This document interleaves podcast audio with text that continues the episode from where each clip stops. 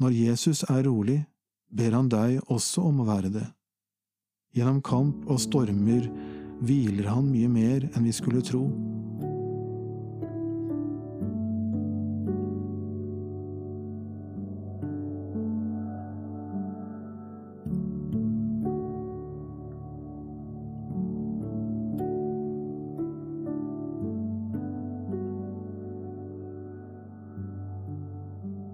Da Jesus ropte ut fra korset, det er fullbrakt, hadde han siste ordet.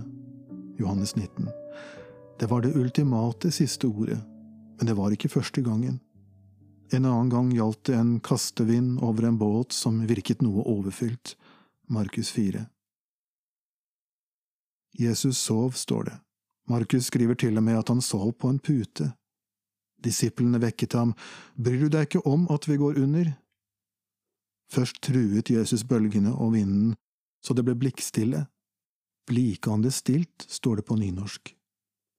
Jeg er glad i uttrykket, for det maler med to penselstrøk at siste ord er sagt. Jesus kom med et motspørsmål til disiplene. De spurte, Bryr du deg ikke om at vi går under? Jesus spurte tilbake, Hvorfor er dere så redde? Har dere ennå ingen tro?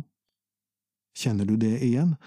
Når Jesus er rolig, ber han deg også om å være det. Gjennom kamp og stormer hviler han mye mer enn vi skulle tro. Jesus vil vi skal følge ham, også i dette. Du sier kanskje at Jesus sov fordi han var Jesus, men akkurat det er poenget. Han kaller oss til å følge seg ikke bare i hans arbeid, men også i hans tro og hvile. Det er en særlig grunn for at Jesus hviler. Siste ord er allerede sagt, da han ropte ut Det er fullbrakt. Dine ord, bønner, tro og ditt liv kan hvile i det samme. Du har hørt en andakt fra boka Vandrebok. Den er gitt ut på Media Forlag, og jeg heter Sverre Skilbreid og har skrevet boken. Vi høres!